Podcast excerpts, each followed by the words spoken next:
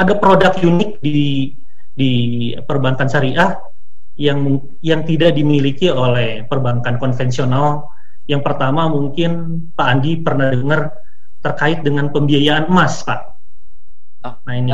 Betul, Pak. Jadi Pak Andi bisa atau Tribuners bisa beli emas ke bank BCA Syariah atau ke ber, uh, perbankan lainnya dengan cara dicicil, Pak. Perbankan syariah ini nggak hanya diperuntukkan untuk yang muslim, Pak. Jadi ini memang perbankan syariah ini diperuntukkan untuk seluruh seluruh bagi yang berkepentingan dan berkebutuhan dalam bertransaksi syariah. Jadi memang syariah ini bisa dapat dikatakan bersifat universal. Orang ketika orang semua tiara, Bapak buka cabang malah. nah, itu perlu diacungi jempol juga oleh orang masyarakat Makassar ini Pak. Ah, yang belum. Apa Pak? Kalau saya mau menikah, wih, ada nggak pembiayanya? Bukan untuk tribunal. Iya. Pertanyaan ini.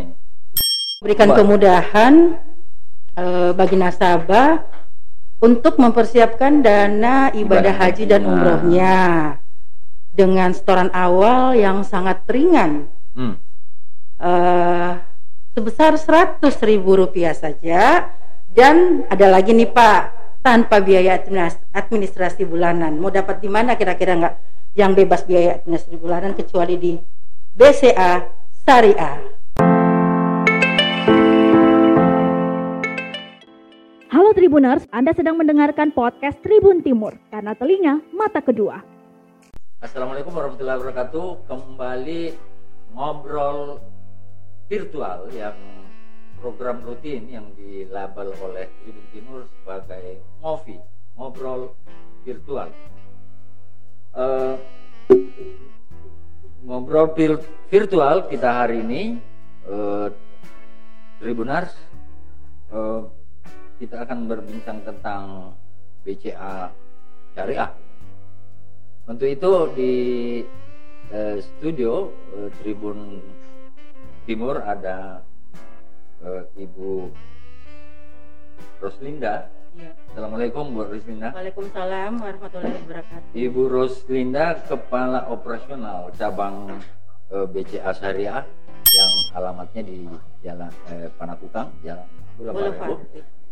Dan satu lagi yang uh, narasumber saya sore ini adalah Bapak Prananta.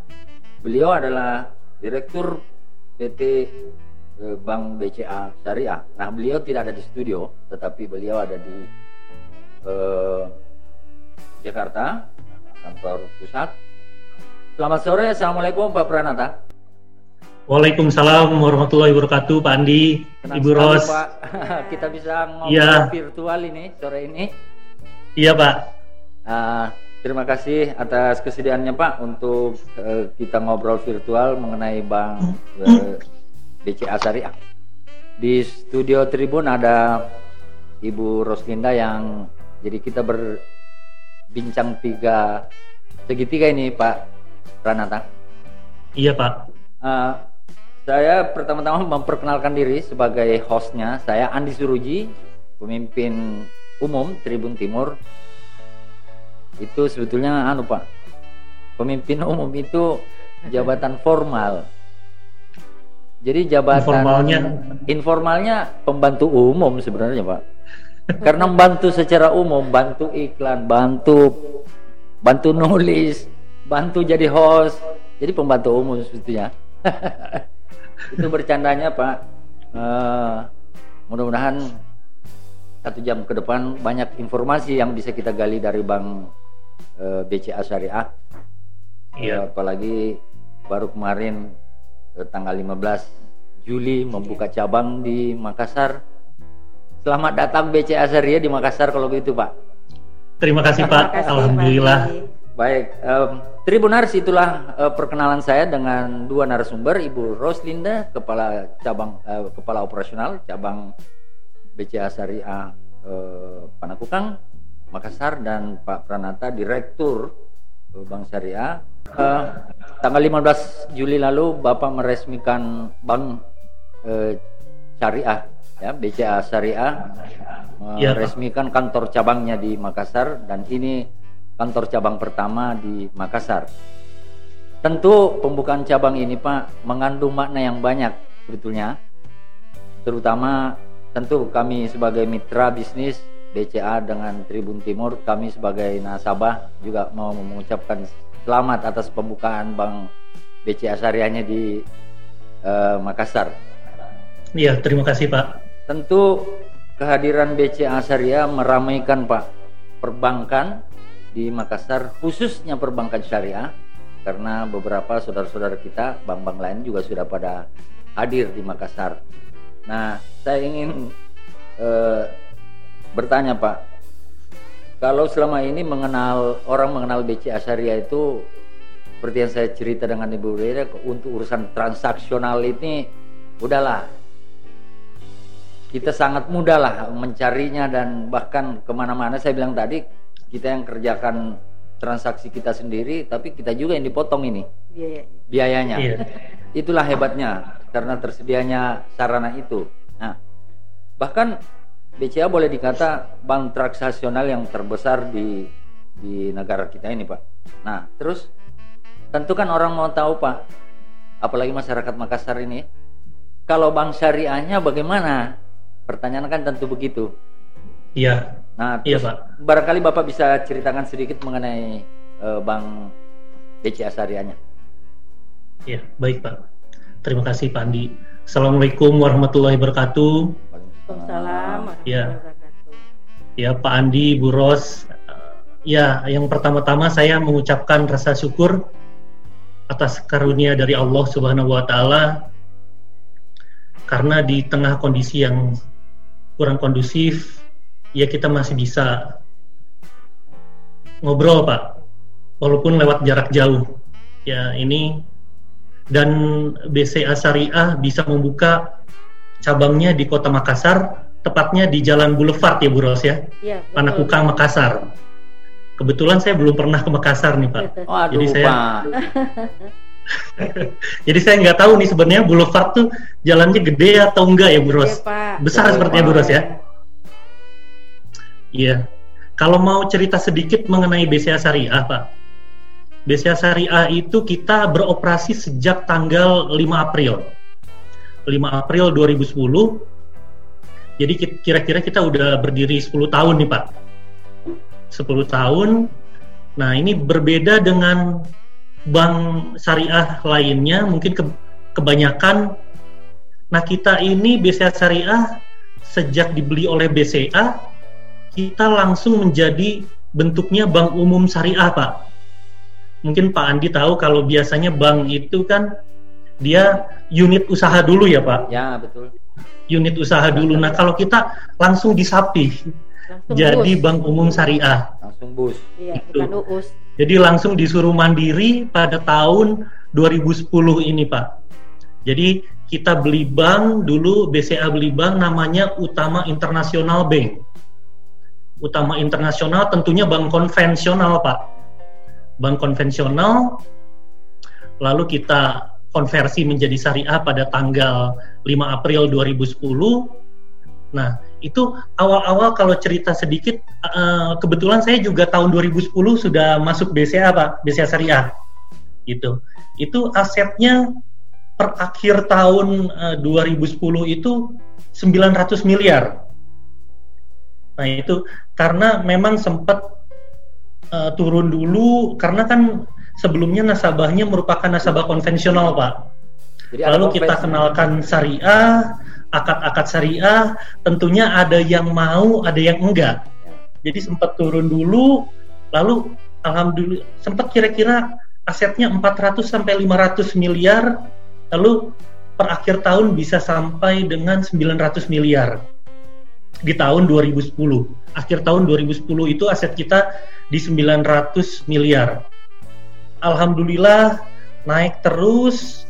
Alhamdulillah juga BCA Syariah ini menorehkan pencapaian yang cukup konsisten.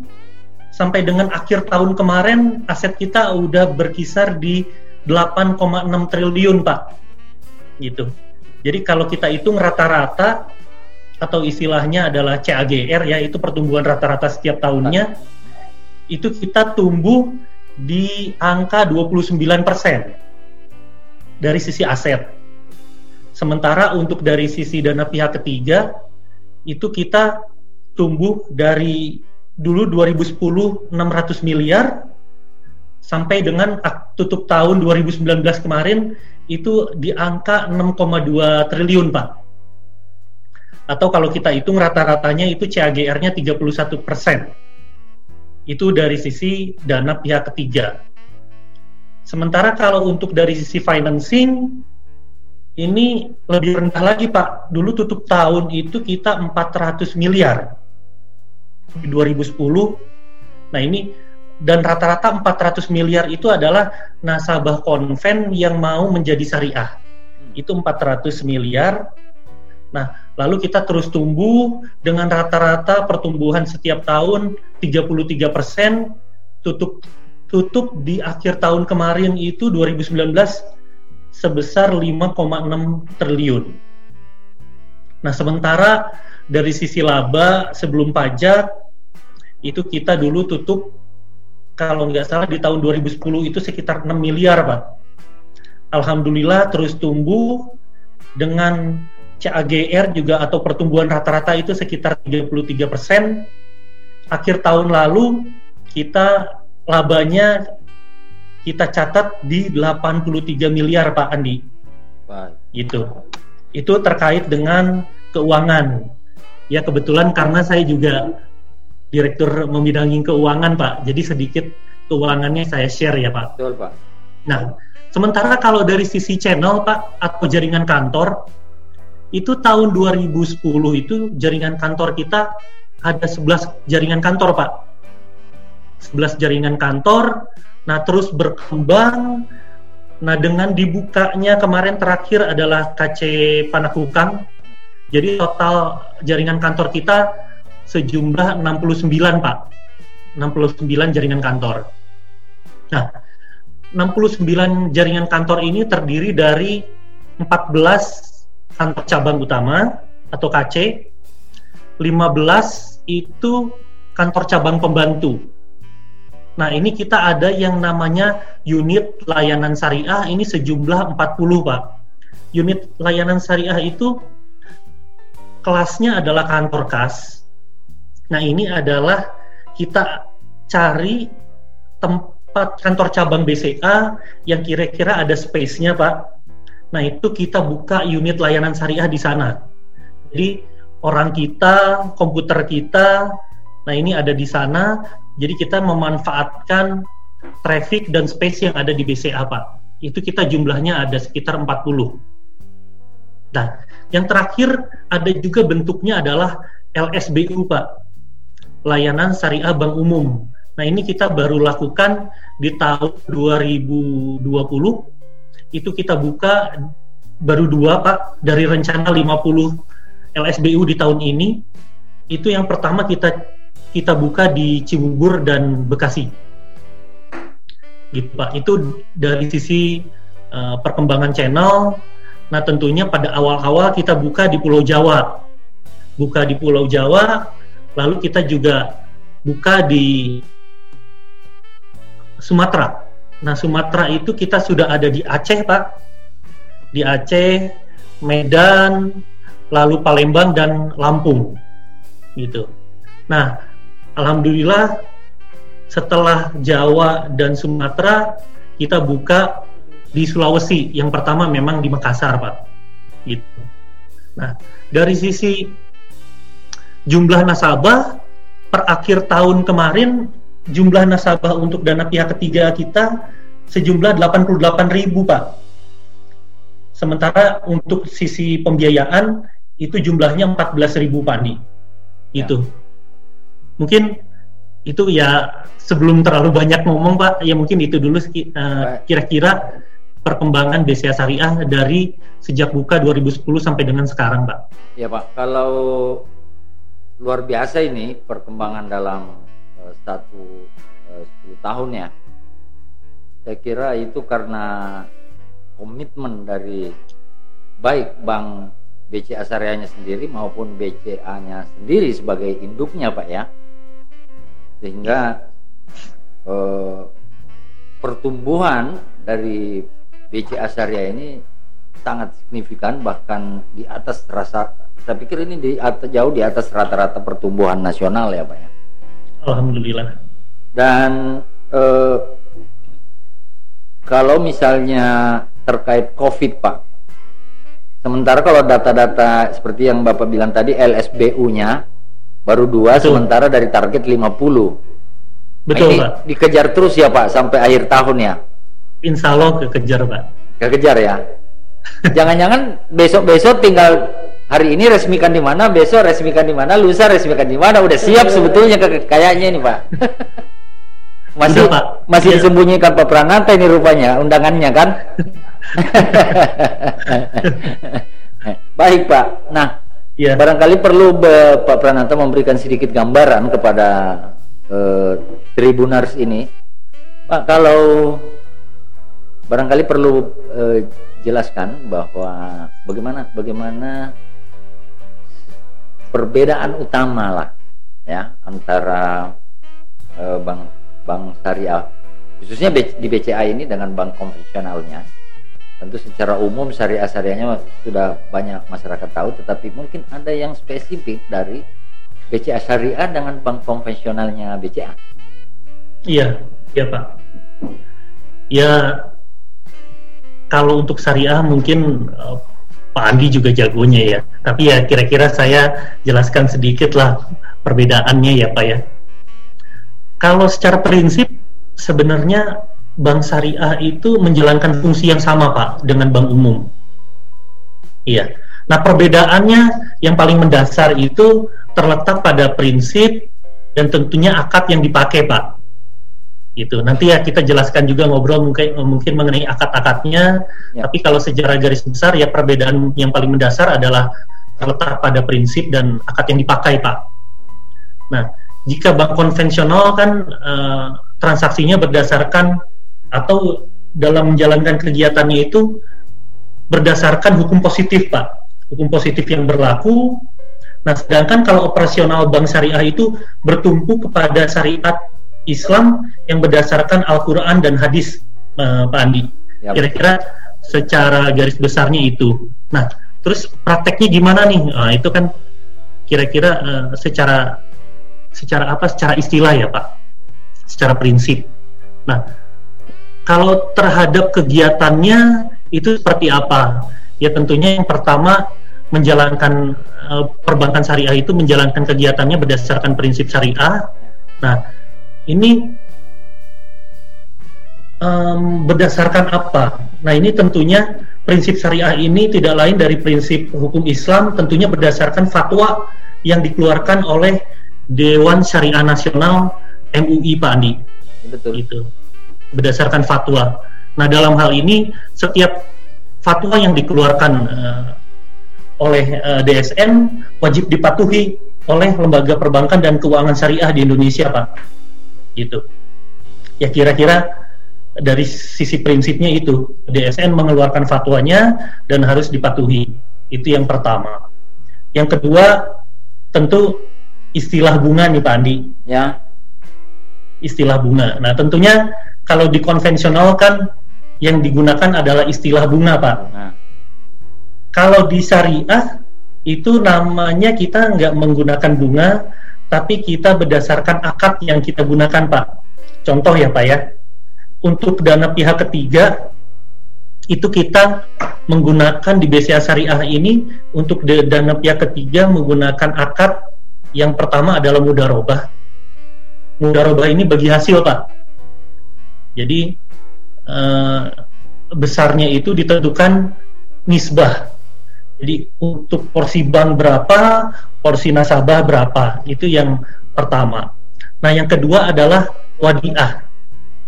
Wadiah itu titipan pak, gitu. Nah titipan terus kalau gitu padanan bunganya apa? Oh ya nanti ada yang namanya bonus, Pak Andi.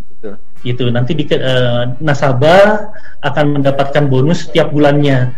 Nah besarnya berapa? Memang nggak diperjanjikan pak Itu. Jadi terserah banknya. Cuman biasanya nasabah akan lihat historical historicalnya biasanya dapatnya berapa sih. Nah itu nanti buros di cabang juga akan share kepada calon nasabah atau nasabah. Nah ini biasanya eh, periode-periode sebelumnya dapat berapa sih sebulan ekivalennya ya Pak? Itu dari sisi dana pihak ketiga.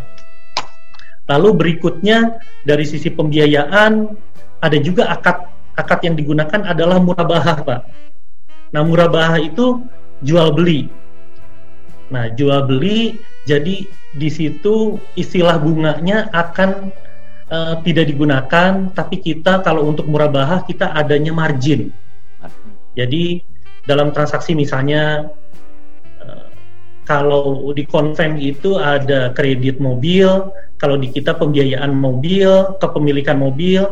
Nah, di sini bank akan menjual kepada nasabah atau calon nasabah. Nah, ini kita tentunya ada harga dasar dan har ada harga ada ditambah margin, Pak. Jadi di situ adalah untuk harga jual dari bank kepada nasabah. Yang kedua, dari sisi pembiayaan ini juga ada akad musyarakah dan mudarobah. Ini adalah berkongsi, Pak. Nah, nanti istilah bunga yang biasa dikenakan di konvensional itu di syariah itu namanya adalah bagi hasil. Di situ juga dikenakan bagi hasil. Nah, mungkin yang lainnya adalah sewa, Pak. Sewa atau ijaroh. Nah, ini setiap bulan misalnya Pak Andi menyimpan uh, dokumen berharganya di bank. Nah ini akan dikenakan uh, biaya sewa. Nanti Pak Andi akan dikenakan biaya ujroh Pak. Gitu. Nah itu terkait dengan akad-akad di perbankan syariah. Nah lalu apalagi yang membedakan dengan um, perbankan konvensional Pak? Nah yang berikutnya adalah DPS. Kita itu di perbankan syariah ada yang namanya DPS Pak Dewan Pengawas Syariah. Ya.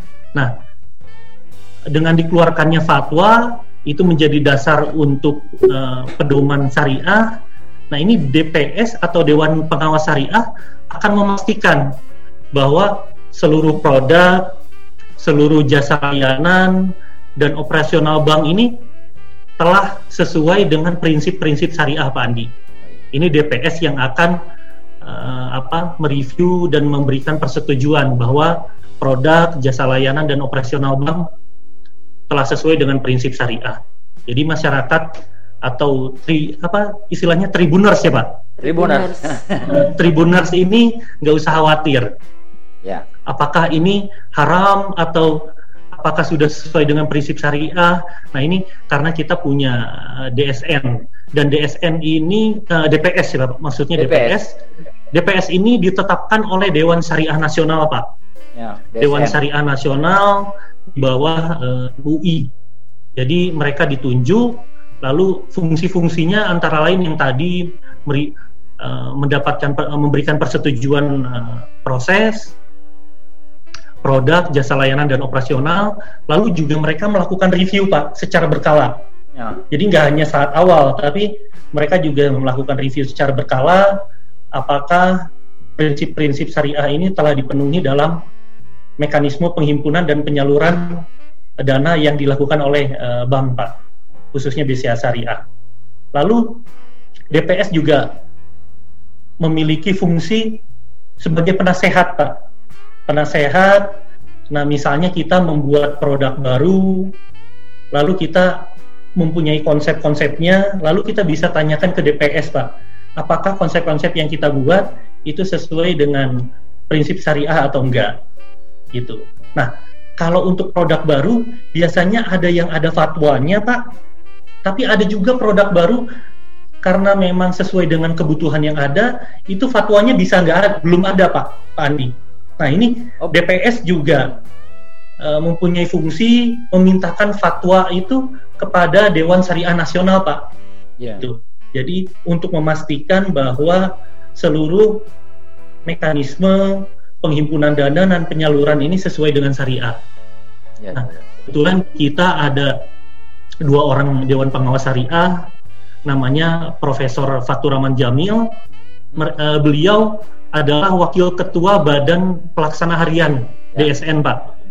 Dan yang berikutnya adalah Pak Sutejo Prihatono. Itu.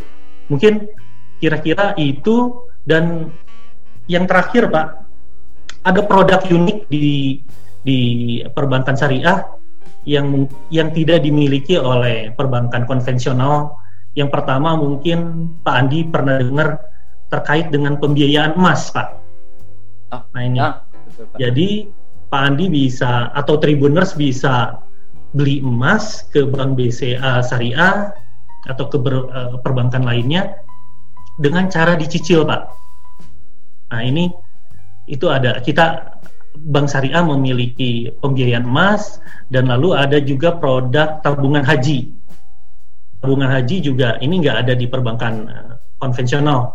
Nanti mungkin Bu Ros juga bisa jelaskan lebih detail ya, gitu Pak. Mungkin itu dari saya Pak. Baik, Pak. Eh, lantas kalau misalnya ya tentu dengan pembukaan cabang di Makassar, Pak. Artinya BCA Syariah ingin meningkatkan pelayanannya, ingin menjangkau masyarakat Indonesia yang lebih luas. Iya, Tentu harapannya Bapak ada di Makassar, tentu kan supaya ada orang juga mau mencoba menggunakan bank syariah. Betul. Eh, bank syariah eh, itu tadi, bank syariah BCA syariah ini. Nah, eh, selain dua dua apa namanya Pak, dua produk. Kalau kita bicara produk, ada dua produk tadi yang Bapak bi itu eh, pembiayaan emas dengan tabung haji yang membedakan dengan BCA syariahnya Betul, dengan BCA konvensionalnya. Ada mungkin servis Pak atau pelayanan lain eh, yang bisa lebih ada diferensiasinya dengan bank lain sehingga orang mau eh, be- ber eh, apa namanya bertransaksi atau eh, berbisnis dengan BCA Syariah Makassar Hmm. bisa dijelaskan Pak? Oh iya, ya baik. Terima kasih Pak Andi. Ya jadi selain prinsip-prinsip tadi, lalu akad, lalu ada DPS ya Pak ya. Nah ini memang ada nilai-nilai yang terkandung di operasional bank. Tapi saya juga pengen pengen mungkin em, kasih tahu ya Pak ya, mungkin share juga dan atau mengingatkan juga bahwa perbankan syariah ini nggak hanya diperuntukkan untuk yang muslim Pak. Jadi ini memang perbankan syariah ini diper- diperuntukkan untuk seluruh seluruh bagi yang berkepentingan dan berkebutuhan dalam bertransaksi syariah. Jadi memang syariah ini bisa dapat dikatakan bersifat universal.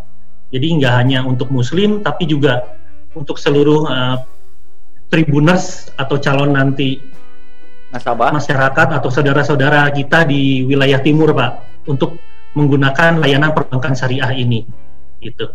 Nah, jadi apalagi gitu ya? Ya mungkin kalau saya bisa bisa gambarkan atau bisa share, nah mungkin Pak Andi tahu kan ada fatwa MUI yang mengharamkan bunga bank ya Pak. Apa Pak? Ada fatwa MUI yang mengharamkan bunga bank. Oh ya, itu. Nah, ini mungkin untuk teman-teman yang khawatir dengan hal tersebut, rasanya tidak perlu ragu untuk menggunakan bank syariah karena memang seluruh pedoman produk dan jasanya telah mendapatkan persetujuan eh, DPS sehingga menjamin kesesuaian prinsip-prinsip tersebut, Pak. ya. Ya, itu itu mungkin yang perlu eh, apa teman-teman juga perlu tahu. Nah, yang kedua adalah pengelolaan dana untuk perbankan syariah ini sesuai dengan syariat. Nah, jadi yang saya pengen sampaikan di sini perbankan syariah itu tidak hanya menguntungkan, Pak, tapi juga insya Allah halal gitu. Mungkin ya dari sisi emosionalnya mungkin seperti itu, Pak Andi. Jadi yang nggak hanya menguntungkan dari sisi eh, apa keunggulannya, namun juga halal, insya Allah halal. Nah, lalu kita tahu juga dari sisi bank konvensional itu dapat menginvestasikan dananya pada semua lini bisnis, Pak. Nah, kalau di syariah itu memang kita agak beda. Kita cenderung lebih selektif dan hati-hati karena tidak semua industri dan bisnis memenuhi kriteria syariah, Pak, yakni halal dan menguntungkan. Karena semua tidak semua bisnis yang dijalankan itu halal, Pak Andi. Betul. Mungkin ada unsur-unsur yang uh, tidak diperkenankan dalam transaksi syariah. Yang pertama tentu Pak Andi tahu ya ada istilahnya riba. Ya. Riba itu adanya penambahan dalam pinjaman, Pak. Nah, lalu yang kedua adalah yang tergolong ke dalam maisir atau untung-untungan, Pak. Ya. Nah, ini misalnya judi ya, Pak ya. Nah, yang berikutnya adalah transaksi goror, Pak. Tidak jelas. Ya mungkin kalau ya. objeknya ini tidak jelas. Kalau dulu mungkin kita tahu namanya istilahnya ijon ya, Pak. Misalnya beli buah ke petani masih mentah gitu ya. Atau malah masih kembangnya. Nah, ini kan itu merupakan transaksi yang memang dilarang di syariah, Pak. Nah, lalu yang berikutnya adalah yang berhubungan dengan objek yang uh, eh, non halal, Pak.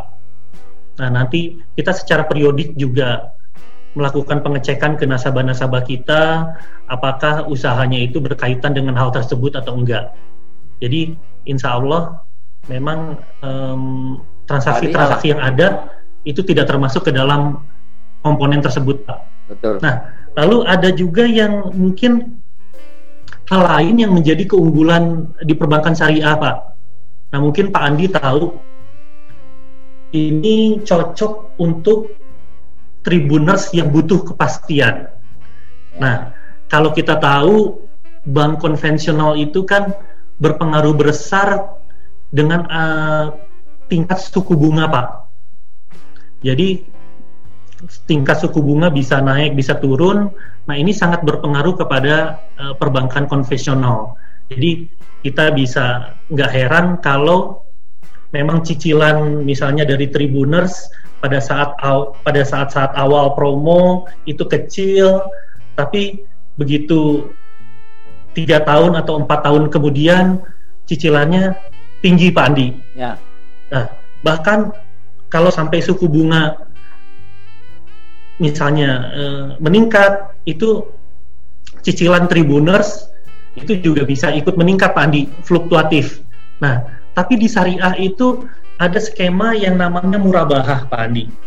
Ya. Nah, ini kalau kita sebagai misalnya pasangan baru butuh kepastian cicilan, eh, saya pokoknya bisa dalam satu bulan cicil 4 juta misalnya untuk rumah saya Nah saya pengen sampai lunas itu 4, 4 juta, juta terus.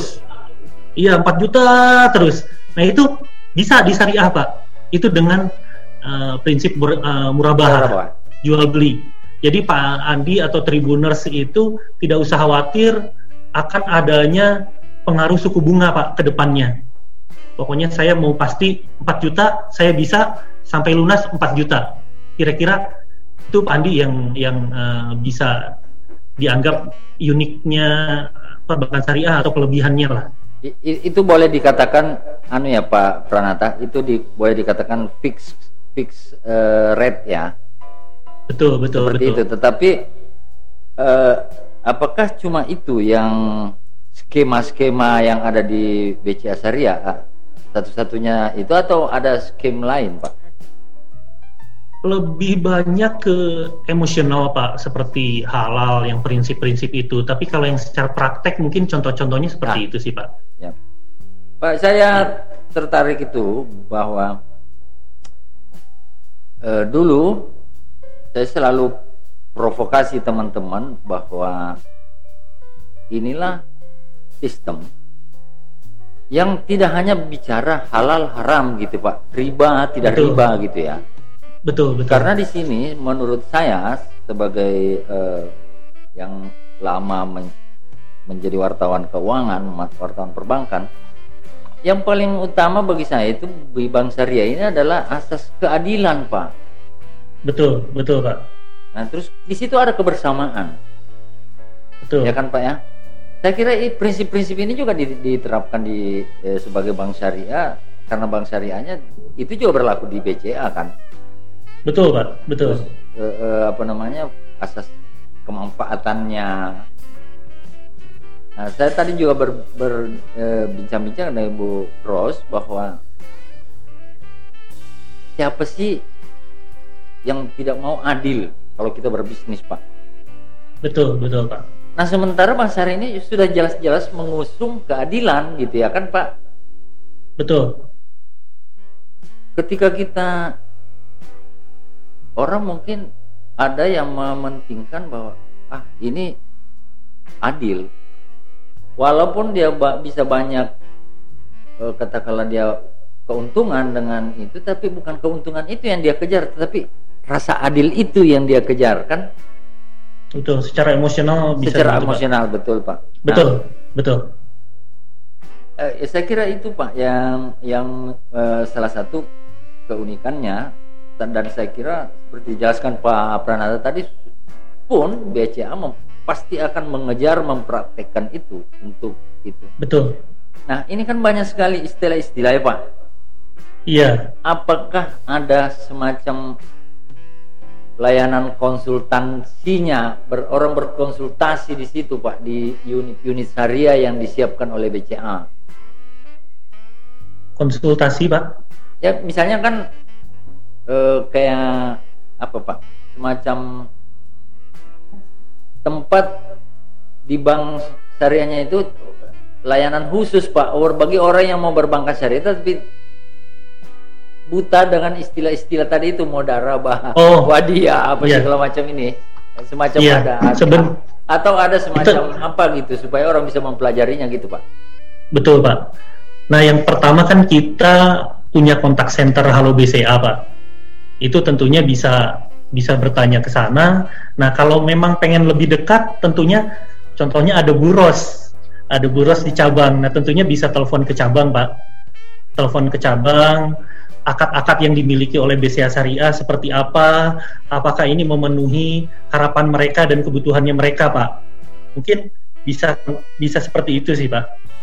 Iya, dan Buros ya mungkin bisa bantu Buros untuk lebih menjelaskan lagi kira-kira apa yang di, bisa dilakukan oleh cabang gitu. Iya, diinginkan nanti uh, ada season mungkin untuk produk-produk ya Pak Andi ya. Iya. Jadi uh, oh iya Pak, nanti nanti saya minta Ibu Ros ada sesinya nanti Ibu Ros. Uh, lalu betul. Uh, di di Makassar ini ketika Bapak hadir di tengah pandemi COVID ini, terus kan tentu pasti Bapak melihat sesuatu di Makassar ini. Sehingga dalam kondisi begini Bapak orang ketika orang semua tiara Bapak buka cabang malah.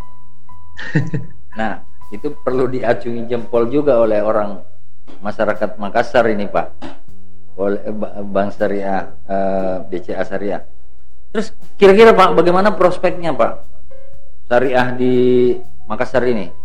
Tentu Bapak punya data lah atau Iya. Setidaknya iya. feelingnya itu, analisisnya itu pasti perlu juga kita dengar ini. oh iya, gini Pak Andi, sebenarnya ya memang dibukanya pada saat COVID Pak tapi sebenarnya cita-citanya itu udah mungkin dua tahun yang lalu pak untuk buka di Makassar ya memang butuh persiapan-persiapan ya alhamdulillah akhirnya terrealisasi juga sih pak walaupun memang waktunya mungkin di tengah kondisi yang seperti ini ya Pak Andi ya. Betul pak. Nah ini kita kenapa sih ngelihat Makassar gitu ya? Nah yang memang kita saat ini kan baru masuk di Pulau Jawa lalu Sumatera pak. Dan kita memang melihat Makassar ini adalah jangkar Pak, jangkar untuk pengembangan di wilayah timur Indonesia. Karena kalau kita lihat ini Makassar terus berkembang nih Pak Andi dari tahun ke tahun karena kita lihat juga data statistik yang ada kan. Nah, lalu kita lihat juga Makassar ini adalah sentra perdagangan untuk wilayah timur di Indonesia, Pak. Indonesia Timur. Nah, ini Makassar ini termasuk kalau kita lihat perdagangannya itu termasuk sentral, kota sentral yang ada di untuk wilayah timur Indonesia. Nah, Lalu kita lihat juga Makassar ini salah satu kota terbesar di Indonesia, Pak. Kemajuannya cukup pesat, lalu juga sudah termasuk kota metropolitan ya Pak Yandi. Nah, langkah ini memang bagian dari strategi BCA Syariah untuk pertumbuhan organik perusahaan, Pak, serta melayani nasabah uh, dengan lebih luas. Itu Pak Andi. Baik. Nah, kita ada nah, itu kan dari sisi kualitatif, Pak. Dari kuantitatif juga kita lihat untuk DPK kalau kita lihat perbankan secara keseluruhan, Pak Andi, itu nomor satu tentunya Pulau Jawa yang paling besar uh, market share-nya Pak dari sisi dana pihak ketiga. Yang kedua Pulau Sumatera Pak, Pulau Sumatera. Nah yang ketiga adalah Kalimantan, yang keempat adalah uh, Sulawesi. Sulawesi dari sisi DPK itu Sulawesi sendiri sekarang kalau kita lihat dari total uh, dana pihak ketiga perbankan itu totalnya ada sekitar 109 179 triliun Pak Andi. Ya. Gitu. 179 triliun dengan syariahnya hanya sebesar 5% Pak. Jadi penetrasi syariahnya masih relatif kecil, tentunya potensinya untuk Pak. berkembang sangat besar Pak Andi. Betul. Itu kami uh, melihat potensinya sangat besar dari sisi kantor cabang juga jauh. Yang pertama Pulau Jawa, yang kedua adalah Pulau Sumatera, yang ketiga Sulawesi. Jadi di Sulawesi juga udah cukup banyak sih. Kita lihat kantor cabang-kantor cabang yang ada dan ya tentunya kita ingin uh, ikut juga berpartisipasi untuk mengembangkan syariah di sana, Pak. Gitu.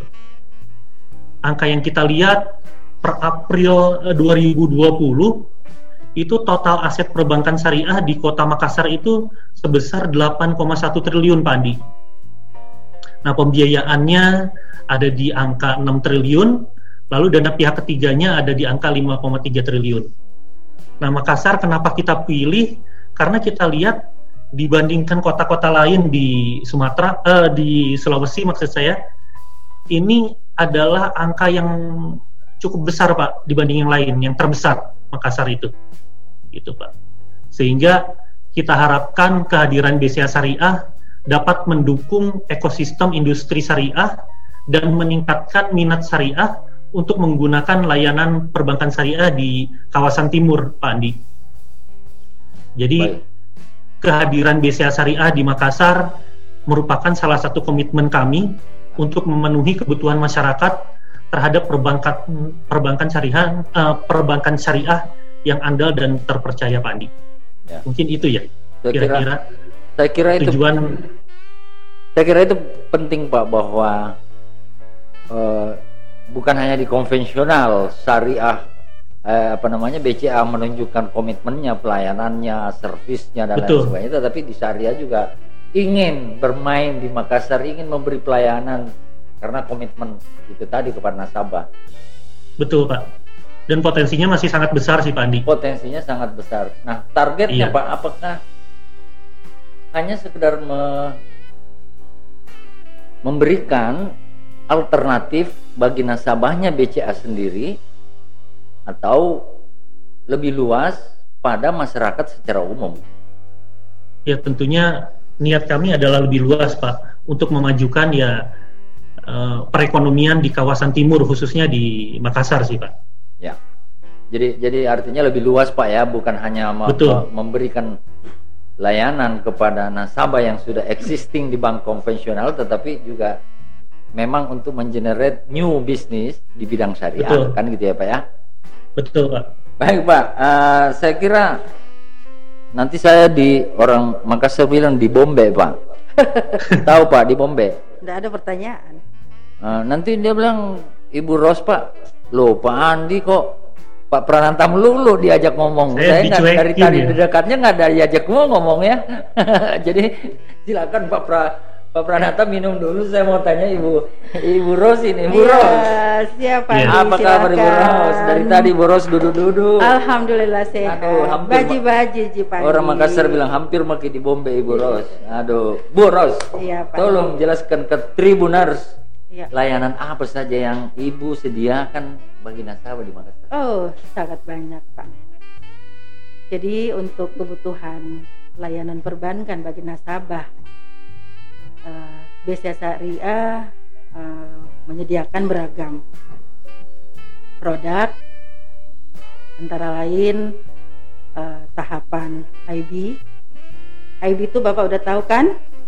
Islamic Saya Bank. sudah tahu Bu, tapi Tribuners belum tentu tahu Bu. Iya, Jadi jelaskan ke Ibu IB-nya itu. Pak. Islamic Bank. Iya, jadi ada ada produk untuk penghimpunan dananya ada enam, Ya. eh, yaitu tahapan IB, kemudian tahapan mabrur, IB untuk umroh dan haji, kemudian tahapan rencana IB atau trip, kemudian giro Hmm. IB, deposito IB, dan ini nih simple pak IB simpanan pelajar.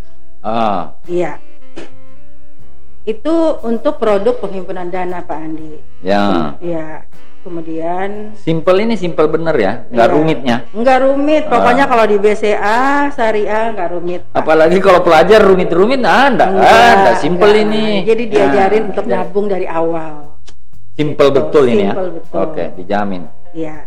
Terus, Bu? Eh, Kemudian produk eh, penyaluran eh, pembiayaan. Pembiayaan. Iya, sama seperti konven Pak. Pembiayaan modal kerja, IB, kemudian pembiayaan eh, Investasi. investasi, Ada. ada, Hmm. kemudian serta produk-produk eh, pembiayaan konsumtif lain, konsumtif lainnya Pak. Seperti Misalnya, KPR, oke. KKB, Hmm, kendaraan. kemudian pembiayaan yang nggak ada nih, Apa? hanya ada di Sari yang tadi Pak Pranata katakan. Apa itu? Pembiayaan emas. Waduh. Saya tinggal tunggu Bapak datang nanti di Panakukan. Oke. Kemudian pembiayaan multijasa untuk umroh. Belum. Apa Pak? Kalau saya mau menikah, Wih, ada nggak pembiayanya? Bukan untuk tribunal. Iya. Pertanyaan ini. Misalnya Bu, saya karyawan, iya Pak. tapi kan nabungnya masih sedikit. Terus saya mau menikah, boleh nggak? Saya pinjam duit dulu sama Syariah kan menikah ini sunnah rasul juga. Iya, sunnah Nabung di rasul. ibu sunnah rasul juga. Gimana Pak Pranata? Belum ada ya, Pak Pranata ya. Belum boleh ya. Nah, nabung aja mungkin Pak di tahapan IB. Ya. Nanti udah banyak saldonya, Cukup, baru cukup, baru menikah. menikah. Apalagi kan Wah. kalau di Makassar uang panai Pak. Mana besar. Siapa tahu ada fasilitas gitu ya. Oke.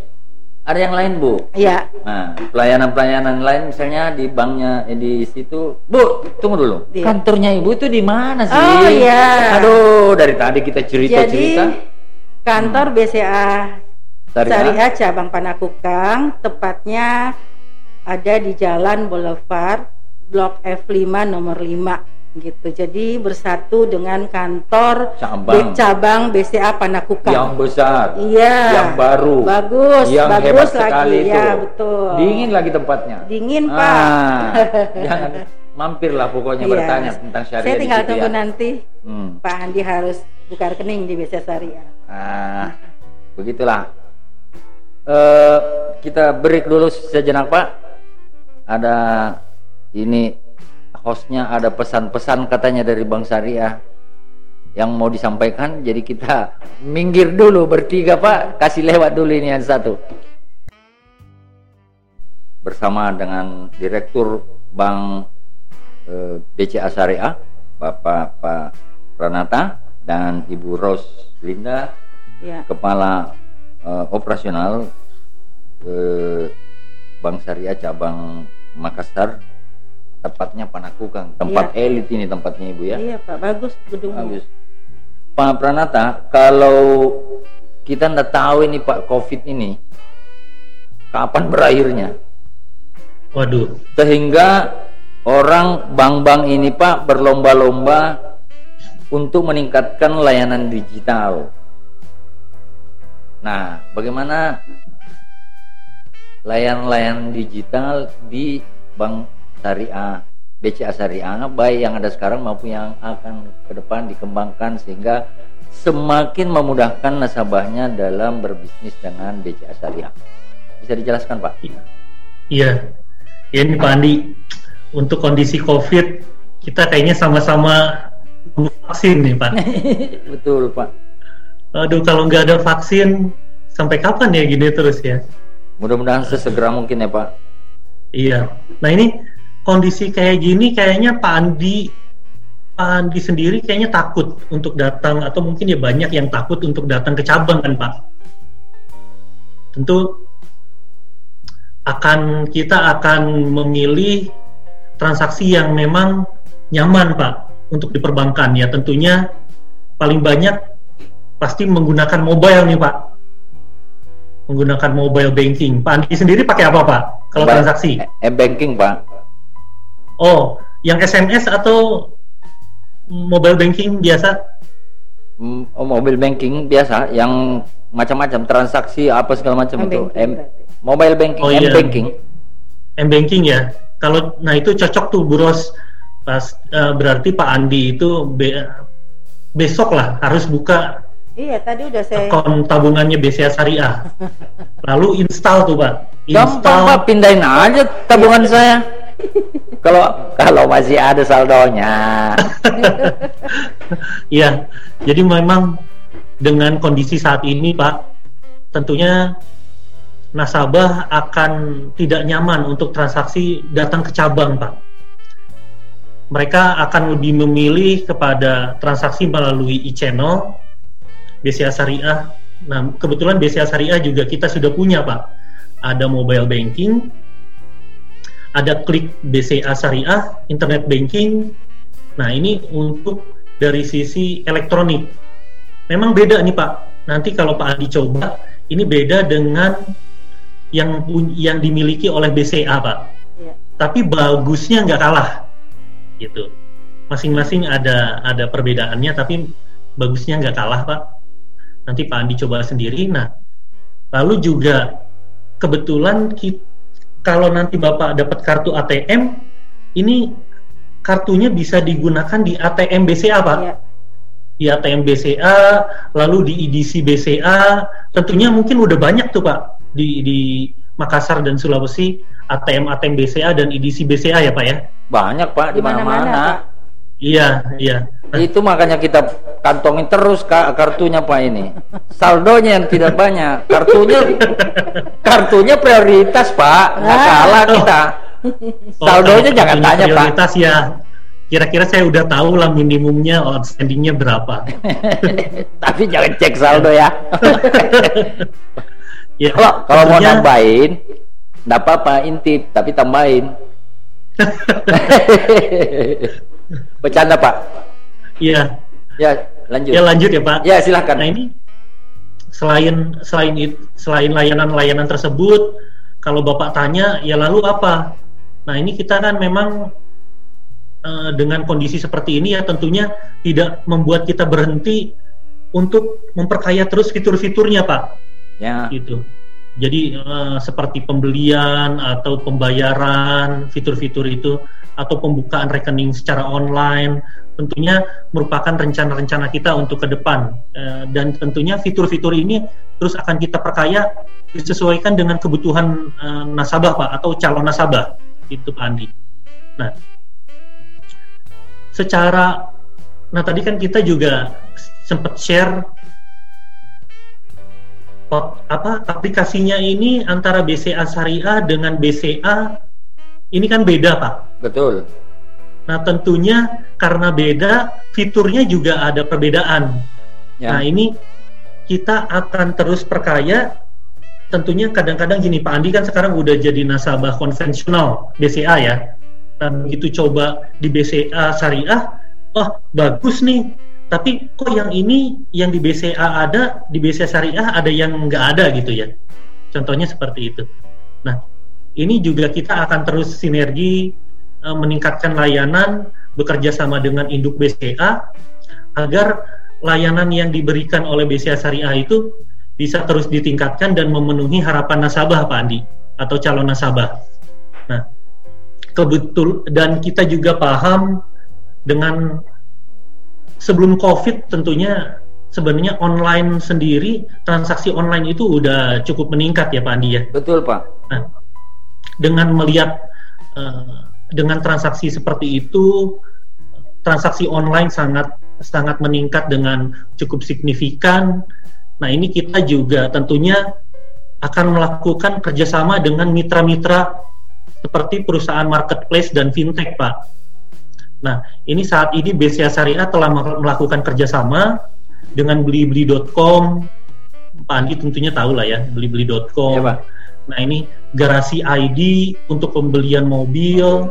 Karmudi. Uh, Karmudi. Ya. Karmudi juga. Lalu kita juga telah melakukan kerjasama dengan pergi umroh. Nah, ini tentunya uh, bisa memudahkan nasabah yang ingin melakukan transaksi online, Pak misalnya pembelian mobil. Pak Andi kalau mau beli bisa secara online nih lewat Karmudi atau Garasi ID setelah menjadi nasabah BCA Syariah. Nah, tentunya kalau tanya Pak Andi, lalu peningkatannya ke depan seperti apa? Ya kita akan terus melakukan kerjasama dengan pihak-pihak ketiga lainnya Pak, seperti marketplace, uh, Tokopedia, ya. Shopee, ya ini kira-kira untuk memenuhi kebutuhan uh, transaksi nasabah calon nasabah transaksi nasabah dan uh, calon nasabah BCA Syariah Pak Andi. Mungkin kira-kira kira-kira gambarannya seperti itu Pak. Oh Pak, Pak Andi nah, cek saldo ya Pak. Pak, saya, tidak Pak.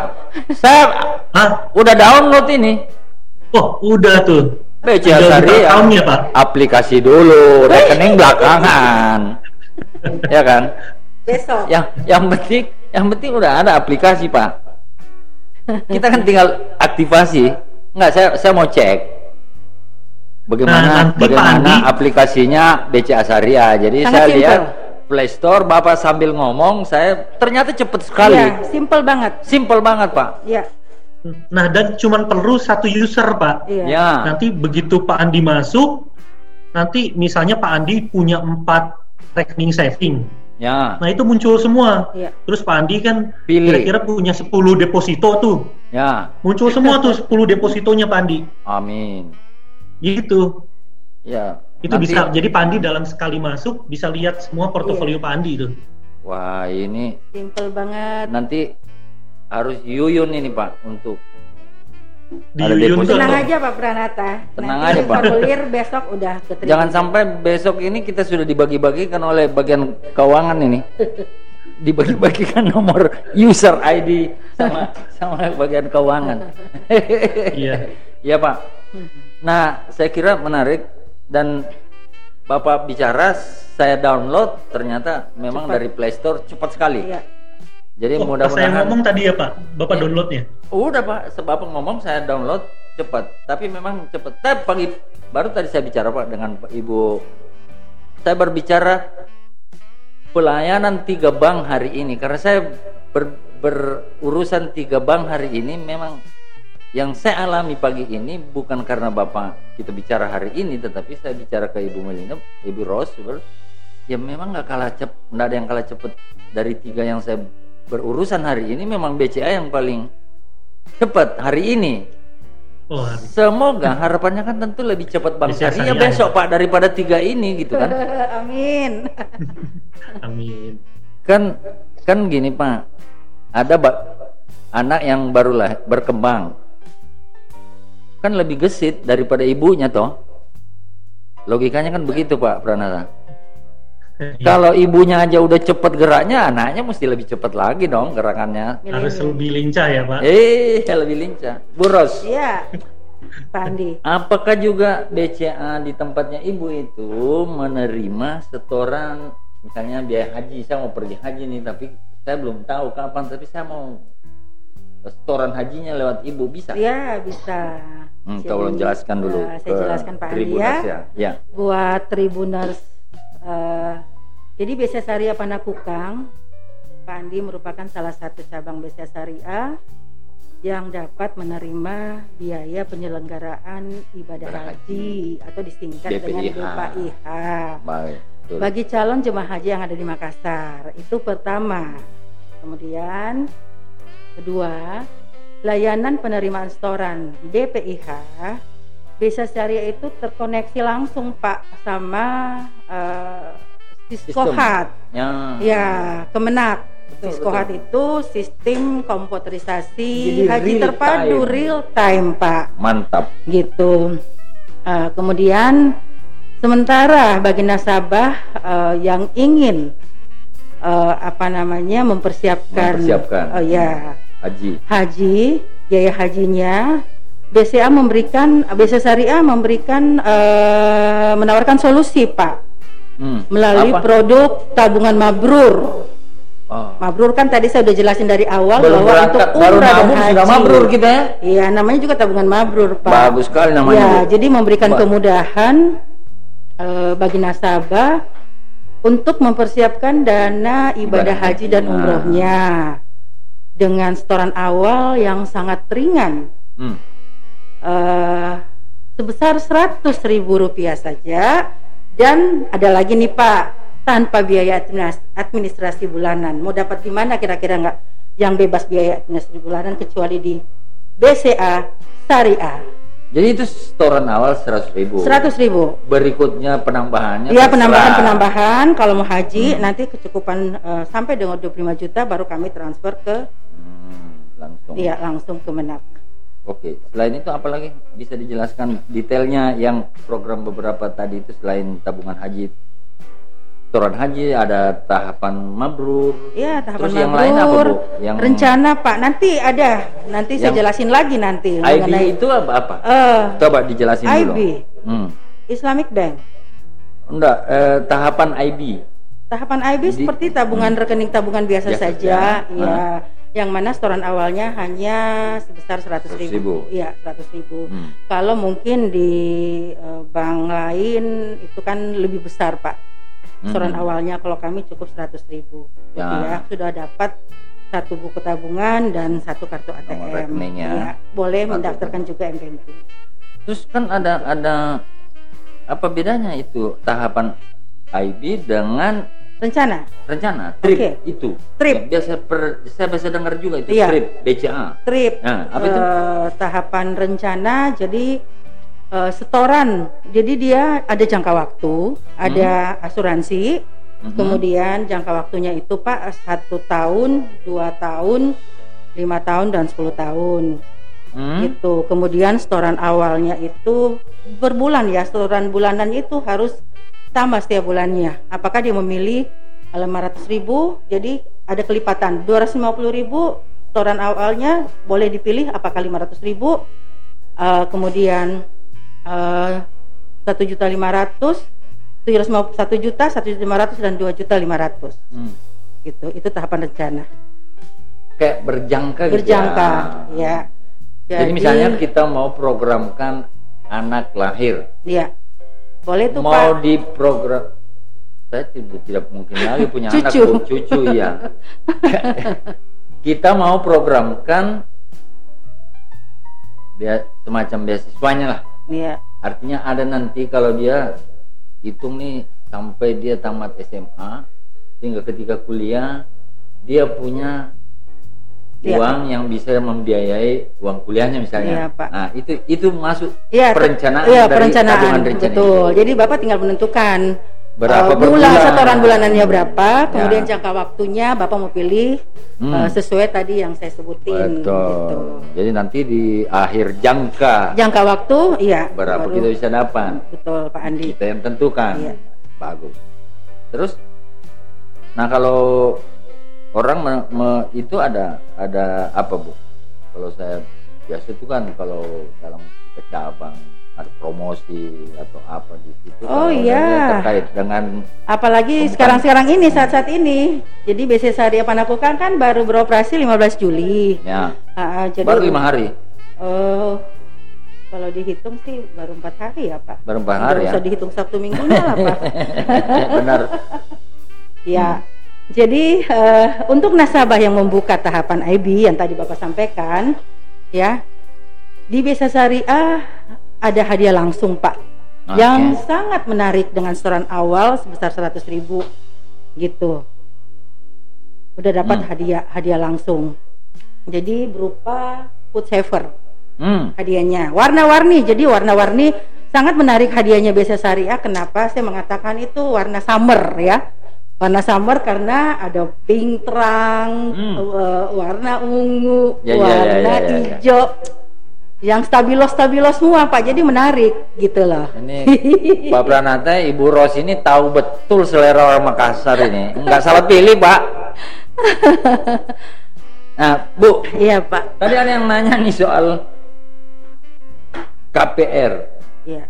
dan apa Ya, kepemilikan mobil. Masih mau jelasin Oh, belum selesai tadi apa-apa. Pak. Masih banyak. Oh, saya kasih waktu. Nanti Silakan. rasanya ngegantung gitu. Nah, lanjut. Ya, jadi itu, baik yang- itu. itu program menariknya BCA ya, BCA Ya. Syariah ya. Baik. Kemudian ah, untuk tahapan rencana IB Ya. atau TRIP, Mm-mm. Bank Syariah BCA Syariah itu akan ada subsidi setoran awal Eh, sebesar 100.000 Pak Andi. Ya.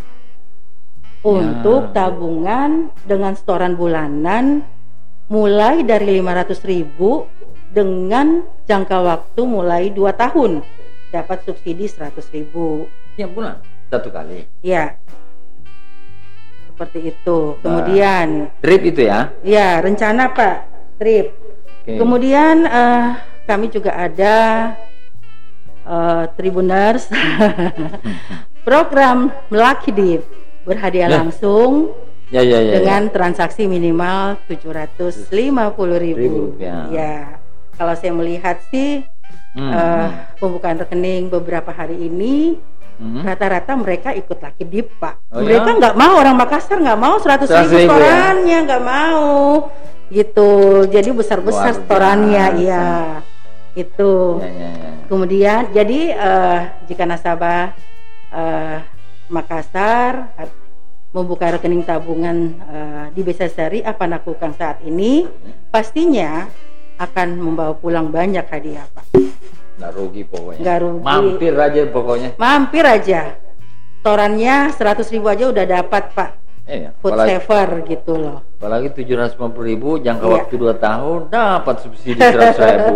Udah jelas-jelas ya. Iya. Anak- Orang Makassar kan maunya begitu bu. iya pak Nggak usah janji-janji yang jelas-jelas aja. Katanya. awalnya kita pada saat eh, buka saya mengatakan kepada teman-teman eh, di customer service wah banyak nih nanti anak eh, teman-teman nasabah karena setoran awalnya itu yang sangat Ya. Eh, ringan 100 Betul. ribu pak Hmm. tapi ternyata pada saat mereka membuka nggak ada yang 100 ribu karena mereka mengharapkan hadiah-hadiah yang lebih lebih lebih lagi gitu loh ya Ya. karena semakin besar yang dia nabung semakin banyak semakin bagus hadiah hadiahnya. Hmm. Masih ada bu? Kalau enggak, tolong dijelaskan itu pertanyaan pembaca tadi itu Iya. soal KKB Ah, apa oke. KPR dan KKB. Ya, Nah. jadi eh pembiaya di BC Syariah, pembiayaan KPR dan KKB itu menggunakan prinsip murabaha apa yang dikatakan tadi Pak Pak Pranata. Pranata. Ya, di mana BC Syariah eh, membiayai pembelian kendaraan bermotor, kemudian eh, rumah yang diperlukan bagi nasabah, eh, bagi nasabah. Jadi eh, sebesar harga pokok dengan margin atau keuntungan bank yang disepakati, Pak. Jadi di- dari awal, Sepakat dulu. ya sepakat dulu, gitu. Akad namanya. Iya, Jadi Akad. orang akad itu kan sepakat. akad, ya? ya. Betul. Itu untuk pembiayaan KPR dan KKB.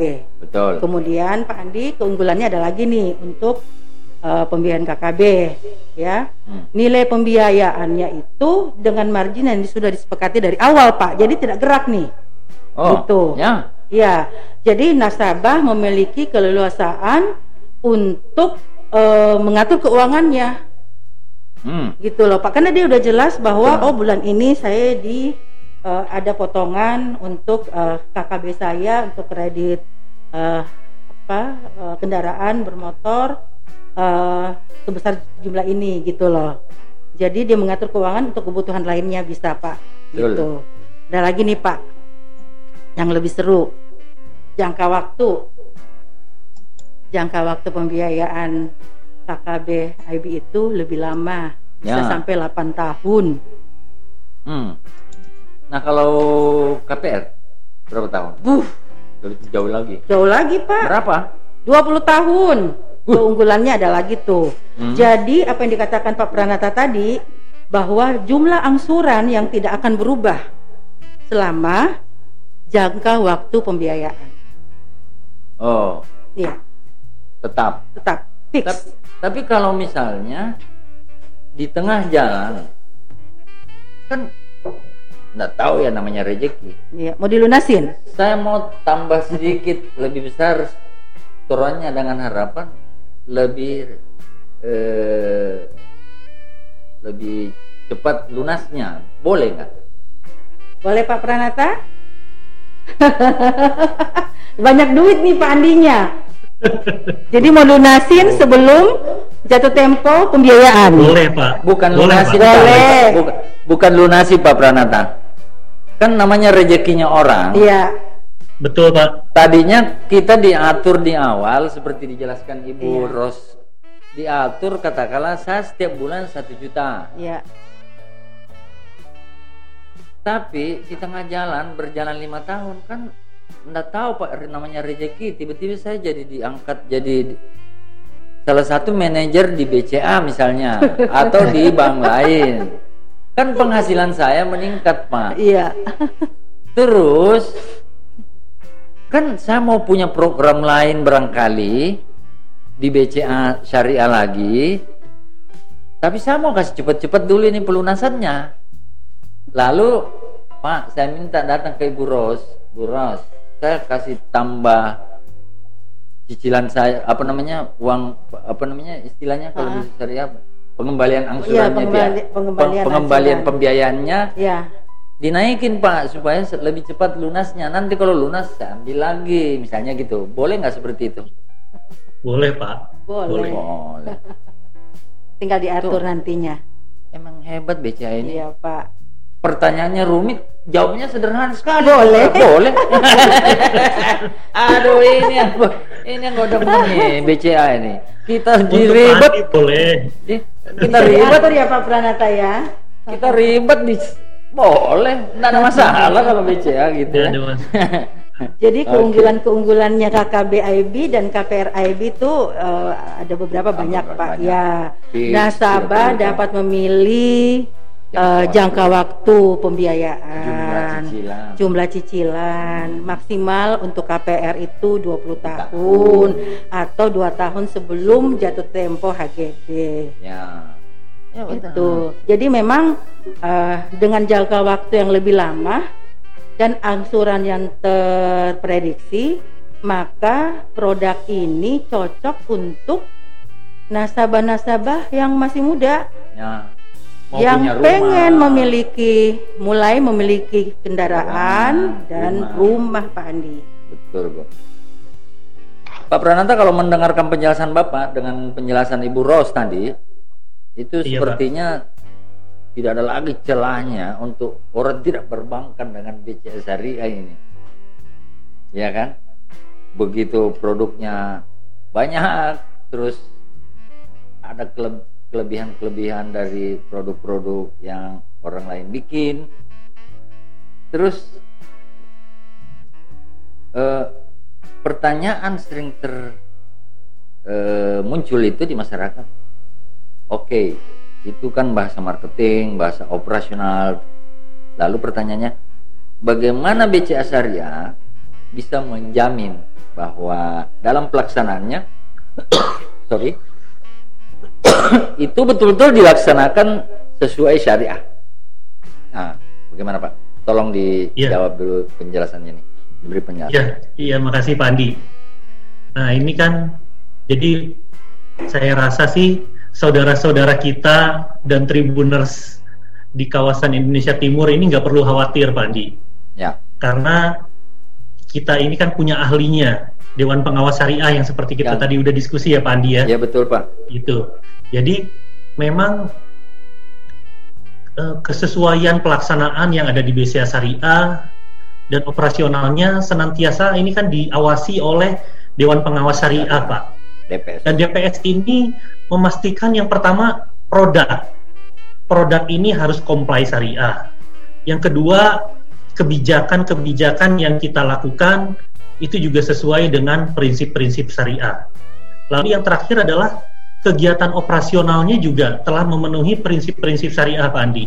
Betul. Jadi ini DPS sudah memastikan bahwa apa yang kita lakukan, apa yang BCA Syariah lakukan telah mengikuti fatwa, fatwa DSN dari DSN MUI maupun perundang-perundangan yang berlaku. Dengan demikian, karena ahlinya nih DPS ini kan udah ahlinya, Pak. Ya betul. Udah ahlinya. Jadi rasa-rasanya saudara-saudara kita di Indonesia Timur tidak usah khawatir sih Pak Andi. Ya, apalagi tadi Pak Pranata menjelaskan bahwa untuk berbisnis dengan memastikan produk misalnya itu betul memenuhi syariat, BCA Syariah melakukan penelitian atau pemeriksaan secara uh, on the spot kan Pak ya? Betul. Nah, saya kira Betul. itu kita juga uh, checking kepada transaksi nasabah Pak. Ya, itu artinya itu semua bisa uh, menjadi jaminan bahwa apa yang uh, dilakukan adalah uh, memenuhi syarat syarat syariah. iya. Pak, apa ada closing statement dari Pak Pranata? Apa harapan Mbak Bapak atau harapan BCA khususnya BCA Syariah dengan iya. adanya cabang yang baru beroperasi di Makassar, cabang syariah yang pertama di Makassar, BCA Syariah betul, pertama betul. di Makassar. Apa harapannya Pak? Iya iya, ini mungkin harapannya agak resmi bahasanya ya Pak ya. Iya. Iya. Ini jadi saya ngomongnya agak resmi karena ngomongnya visi misi. jadi memang sejalan dengan visi BCA Syariah Pak. Visi BCA Syariah itu menjadi bank syariah andalan dan pilihan masyarakat. Tentunya kami sangat berharap kehadiran BCA Syariah di Makassar itu dapat menjadi mitra untuk memenuhi kebutuhan perbankan syariah, Pak. Nah, tentunya juga sekaligus lapisan masyarakat dan memberikan kontribusi positif yang mendukung perekonomian masyarakat di Makassar, Pak Andi. Baik, Pak. Itu. Nah, selain itu, ya kami juga tentunya berharap kehadiran BCA Syariah di Makassar dapat meningkatkan pangsa syariah syariah di pangsa syariah di tanah air, Pak Nah, yang seperti Pak Andi tahu kan, penetrasi syariah di Makassar atau Sulawesi itu masih berkisar 5% Pak. Betul, Jadi Pak, memang 5%. potensinya masih sangat tinggi. Ya, kami sangat positif dan berharap kehadiran kami akan memberikan dampak yang positif bagi perekonomian uh, Indonesia Timur, khususnya di Makassar. Ada yang lain, Mungkin Pak? itu Pandi. Ada yang lain? Masih ada harapan? Cukup Pak, udah kebanyakan kayaknya. Baik Pak, uh, saya kira kita masih mau ngobrol Pak, tapi Makassar sudah mau maghrib Pak. Nanti tidak syariah juga kita kalau nak asal maghrib kan. Jadi iya, Pak. pertemuan pertama ini Pak bukan yang perta dan yang terakhir loh Pak. Nanti akan kita bisa bikin pertemuan-pertemuan berikutnya, terutama dalam hal edukasi masyarakat bagaimana perbankan syariah juga bagaimana ber, berbisnis dengan bank syariah BCA syariah. Saya kira uh, itu perlu karena saya kira diskusi-diskusi seperti ini Pak itu juga bagian dari peran kita. Saya kami sebagai media dan Bapak sebagai pelaku bisnis syariah dalam rangka mengedukasi publik, mengedukasi masyarakat dalam memahami perbankan syariah yang seperti kita tahu tadi baru 5% bangsa pasarnya share-nya iya. dalam yeah. perbankan di Sulawesi Selatan. Padahal potensinya besar sekali ya Pak. Betul. Mungkin kalau Bapak belum pernah ke Makassar ya?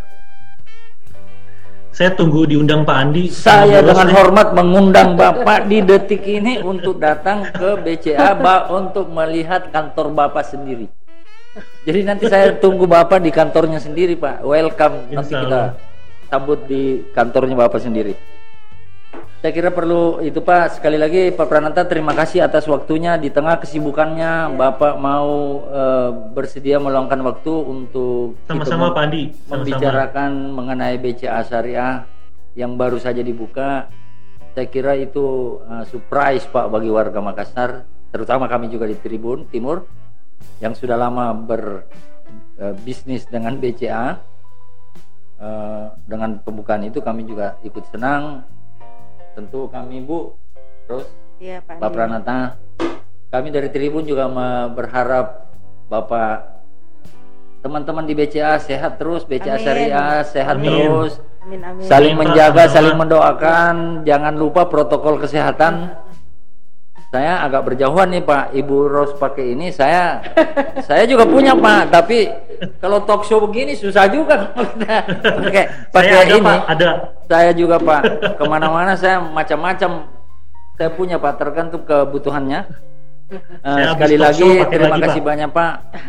Sampai jumpa di lain kesempatan Pak Pranata, Iya. Ibu Ros sampai jumpa Terima di kasih kesempatan sampai ketemu lagi, Pak. mungkin bisa kita Kasih, Pak. ketemu di kantor ibu dalam suasana yang lain dan Tribuners terima kasih banyak atas eh, kesabaran anda untuk mengikuti dialog ini sampai habis bersama dengan Direktur BCA Syariah Bapak Pranata dan eh, Kepala Operasional eh, Kepala Operasional Bank eh, eh, Cabang BCA Panakukang. Panakukang BCA Syariah Panakukang Makassar. Eh, sekali lagi terima kasih. Sampai jumpa. Assalamualaikum warahmatullahi wabarakatuh. Waalaikumsalam Waalaikumsalam warahmatullahi wabarakatuh. Terima kasih telah mendengarkan podcast ini. Dengarkan lagi podcast-podcast selanjutnya hanya di podcast Tribun Timur. Sampai jumpa.